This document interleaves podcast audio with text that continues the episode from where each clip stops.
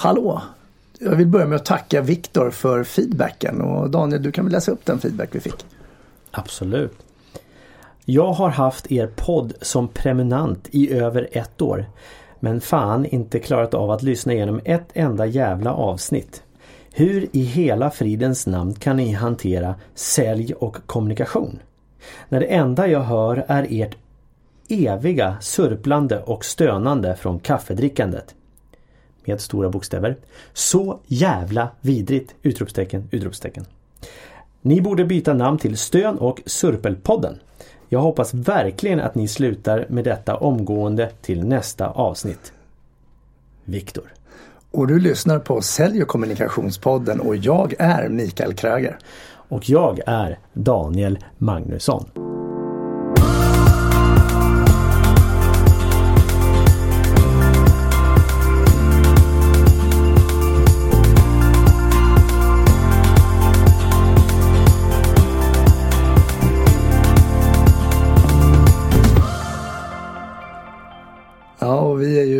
Förespråkare för det här med feedback.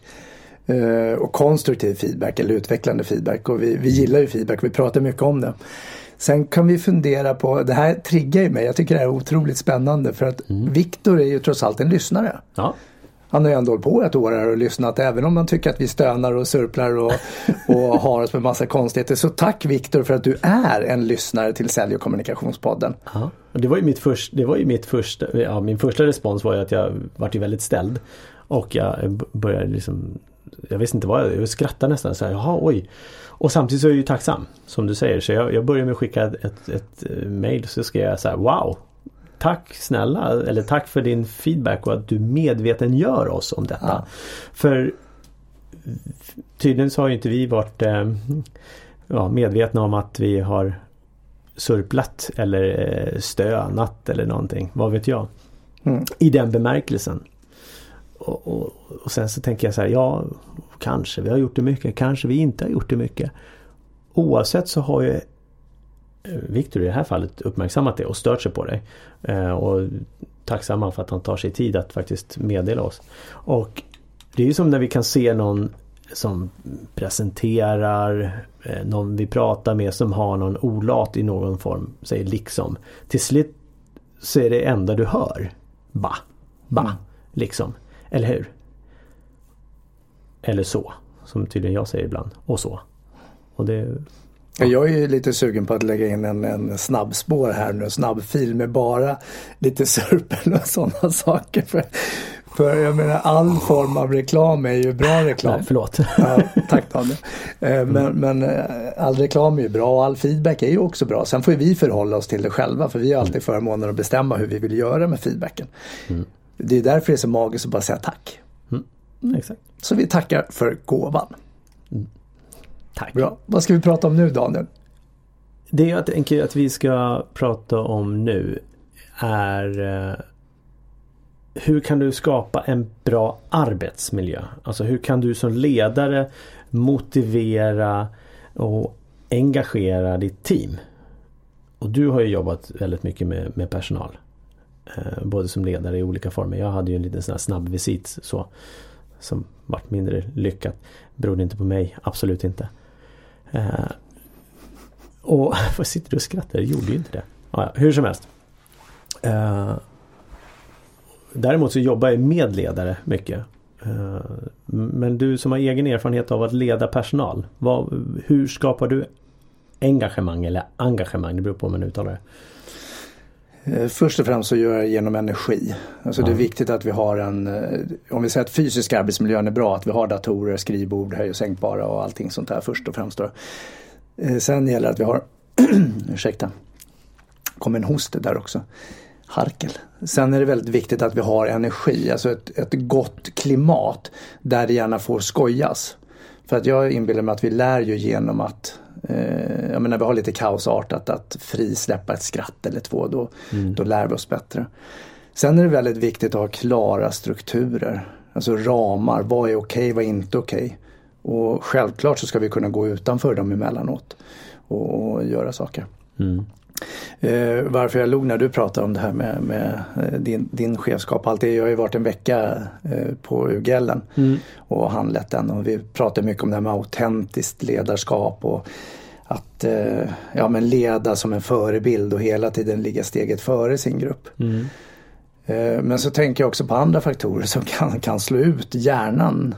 Eh, jag tänker på att det har varit otroligt varmt till exempel mm. hela veckan medan vi hade utbildningen och, och det tär på kroppen och, hjärnkapaciteten så att jag missade till och med att jag blev ett papper i något moment och det varit alldeles, alldeles förvirrat i mitt huvud. Så, men då sa min handledarkollega, äh, det är värmen. Okej, okay, vad bra, då dricker vi lite vatten så kan det bli bättre. Mm. Men ibland kan det bli lite högkokande i hjärnan att vara ledare. Mm. För att du ska ju vara förebilden, du ska finnas tillgänglig, du ska mm. lyssna på dina medarbetare. Du ska ständigt vara med i deras utvecklingsprocess, ligga före, locka dem till att vilja göra mer, ta sig an kanske mer avancerade projekt för den egna utvecklingen. Mm. Så att de inte stagnerar. Mm. Så det var det korta svaret. det var det korta svaret. Ja. Ja, nej men det, det tror väl jag. Och det svåra som, som ledare är ju att hålla den egna motivationen på topp också. För du ger och du ger och sen så får du förhoppnings, förhoppningsvis tillbaka energi också. Mm. Men många gånger så kanske du inte får det. Om du har varit i, har du varit i någon sån situation antar jag? Ja, det har vi pratat om i något avsnitt ja, också ja. säkerligen. Ja, det är mycket möjligt. Men... Eh, det är klart att det finns en trötthet i att eh, leda föregå med gott exempel och jag har en tendens att gå in väldigt hårt i någonting, alltså med ett otroligt engagemang. Mm. Så jag lägger väldigt, väldigt många timmar alltså på mm. dagarna, går upp tidigt, jobbar sena kvällar och igång. Och det är inget självändamål för att vara en bra ledare, absolut inte. Mm. Men det är min drivkraft och jag trivs med den. Mm. Eh, mina verktyg för det, det är ju att ha goda vänner som har en liknande position.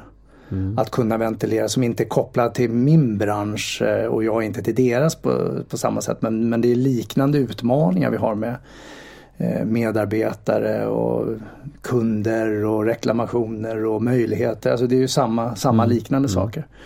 Sen är det ju väldigt bra och eh, också ha en coach. Jag har ju bollat mycket med dig. Jag har ju mm. fått mycket stöd och hjälp därifrån och, och tagit hjälp av andra människor också. Så jag tror det är viktigt att ha en, ha en eh, bollplank utomstående. Även om du har en bra klimat inhouse med kollegorna eller underställda eller överställda vad du nu väljer att kalla dem.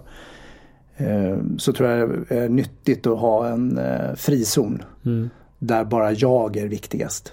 Just det. Eh, typ gå till en coach eller vänner som verkligen lyssnar och inte bara smeker medhårs utan, utan ifrågasätter. Mm. Precis, för det får inte bli någon, tänker jag då, en klagomur är det första som dyker upp. Eh, utan det kan ju vara skönt om den här klagomuren då svarar tillbaka i det fallet. Fast det kan också vara rätt skönt. Klagomur var väl ganska bra för jag kommer ihåg eh, några tillfällen när jag suttit med mina närmsta vänner som har liknande eller har chefspositioner mm. och, och, eh, där vi har suttit och bara fått vi kanske har en tunna och slänga all dynga i och mm. ha då det här mm. klagoburken eller klagomuren. Och det är också en frigörande del och det är inte så att vi sitter och pinpointar personer utan vi pratar liksom om att ah, det här är skitjobbigt, ah, jag orkar inte, jag har ingen energi mm. kvar. Och, mm. Hur gör vi nu, det här går käpprätt åt fanders. Mm. Och om alla, alla gör likadant då är det ju ingen som är bättre än någon annan och säger ja ah, men då kan vi göra så här utan då har vi liksom bara fått öst ur oss. Mm. Så det kan också vara ett sätt, ungefär som att gå på gym eller någonting annat. Töm, tömma och ja. pysa ut lite. Ja. Mm. Eh, som en ventil. Eller liknande. Ja det är bra.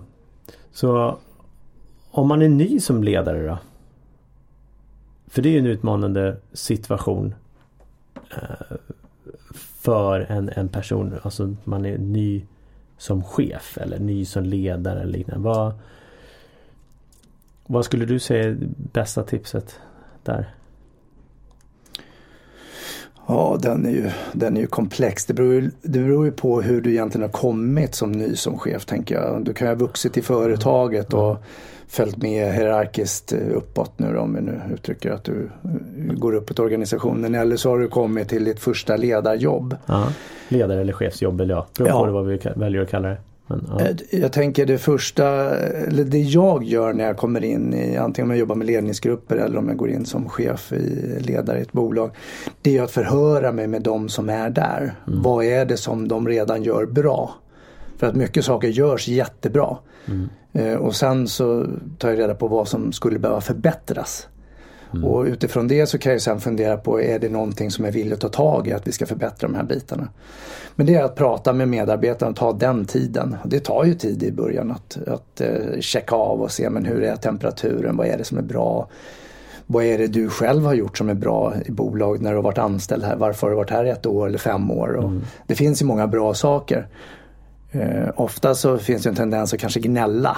Och det är okej okay det också men, mm. jag frågar gärna vad som är bra och vad som kan förbättras och det kan ju redan vara bra saker. Mm. Lite, du, det blir lite pysventilen för medarbetarna också att få en ja, chans då. Ja. Du har ju en, en, naturlig fallenhet att fokusera på det bästa och, och mm. vad som är bra. Det positiva också. Mm. Så det blir väldigt lätt för dig också. Så är man inte van vid det så börja med det egentligen. Vad, ja. vad, vad, är, vad är bra och vad kan bli bättre? Ja. Och eh, Ska du förändra någonting? Nu beror det på, du kan ju kommit in som ledare, chef för att du ska riva om en hel organisation eller mm. göra om någonting. Mm. Det, det, är ju en, en sak då. Men om du inte har kommit in för den delen så, så ge det tid innan du börjar fundera på det som kanske ska vara förändringar. Eh, förhoppningar är väl kanske att det blir en förbättring då. då. Men en del ledare vill ju gärna komma in och ändra direkt och sätta sin prägel. Mm. Eh, vilket eh, kan säkerligen funka jättebra också. Men jag tror mer på att eh, hålla det eh, under en längre tid. Ta verkligen reda på vad som ligger bakom mm. innan du bestämmer för förändring. Mm. För jag pratade med en eh, som blev chef på ett företag. Han varit där några månader. Och han fick ju höra tidigt från den förra chefen som ja, var tydligen kvar i organisationen på något sätt ja den där den där personen, där måste vi liksom på något sätt bli av med. Och så vidare. För det fanns vissa utmaningar då enligt den gamla chefen. Medan den här, han som jag pratade med, han började ju då eh, undersöka och börja se. Och det fanns ju annat. Det finns ju alltid två sidor mm. på något sätt. Mm. Eller kanske till och med tre sidor åt mynt mm. har jag hört. Mm. Eh, så, så, så, att det är inte bara köpa det du hör först. Likväl, varken från andra chefer, ja den är si och så, likväl som du kan få höra från medarbetarna. Eh, ja, så här har vi alltid gjort eller så här borde man göra. Eller ja, den förra var si eller så.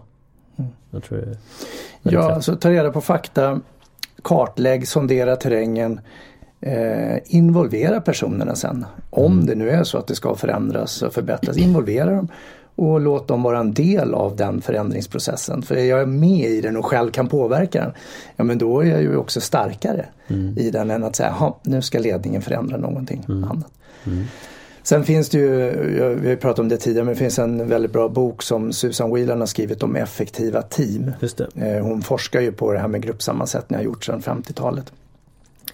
Eh, och, och det, ju, det, handlar ju egentligen om att urskilja i vilket stadium en grupp befinner sig i.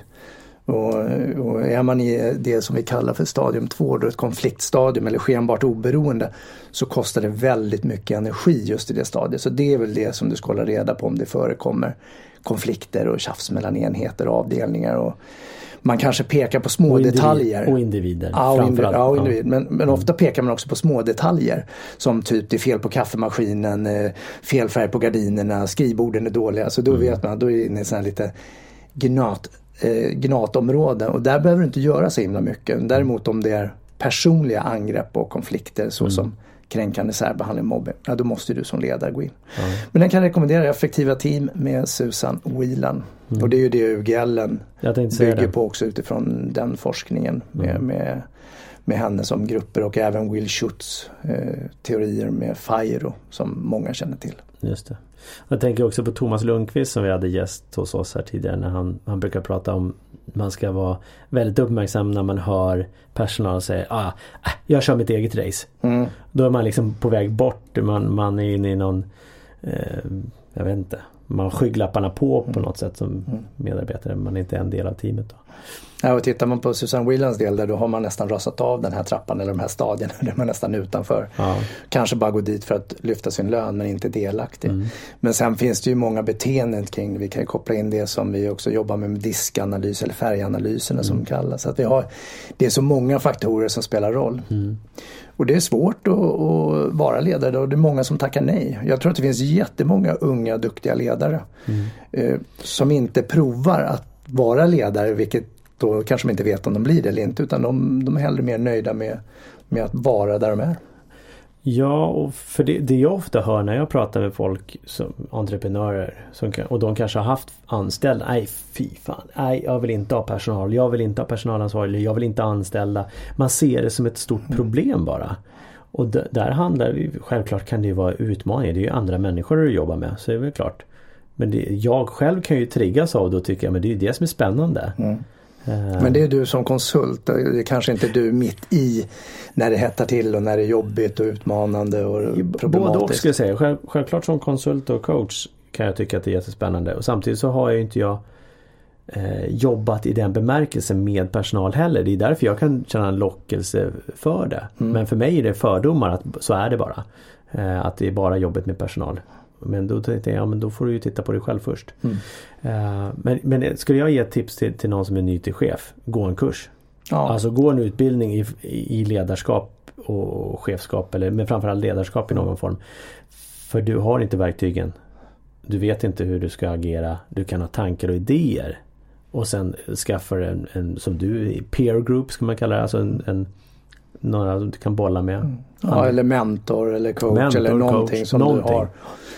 Och det kan vara skönt att ha någon helt utifrån som inte är insyltad i det dagliga drift i bolag och företaget där det kostar energi och allt utan någon som kan gå in och fråga, ställa frågan varför gör du så här? ja.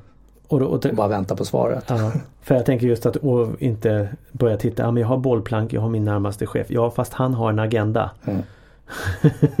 så att, ja. Nej det där är... Så är det tumme upp eller tumme ner då? Ny på jobbet eller ny som chef? Eh, tumme upp, eh, skitkul. Alltså det, det är mycket utmaningar, det är mycket jobb. Eh, men gillar du ledarskapet, eh, chefskapet, vad du nu väljer att kalla det för, så absolut tumme upp, kör. Vad är det värsta som skulle kunna hända? Mm. Så vad händer på framgångsnätverket? Ja, på Framgångsnätverket så har vi föreläsare nästa vecka den 12 juni. Eh, Det är vår sista träff innan sommaren.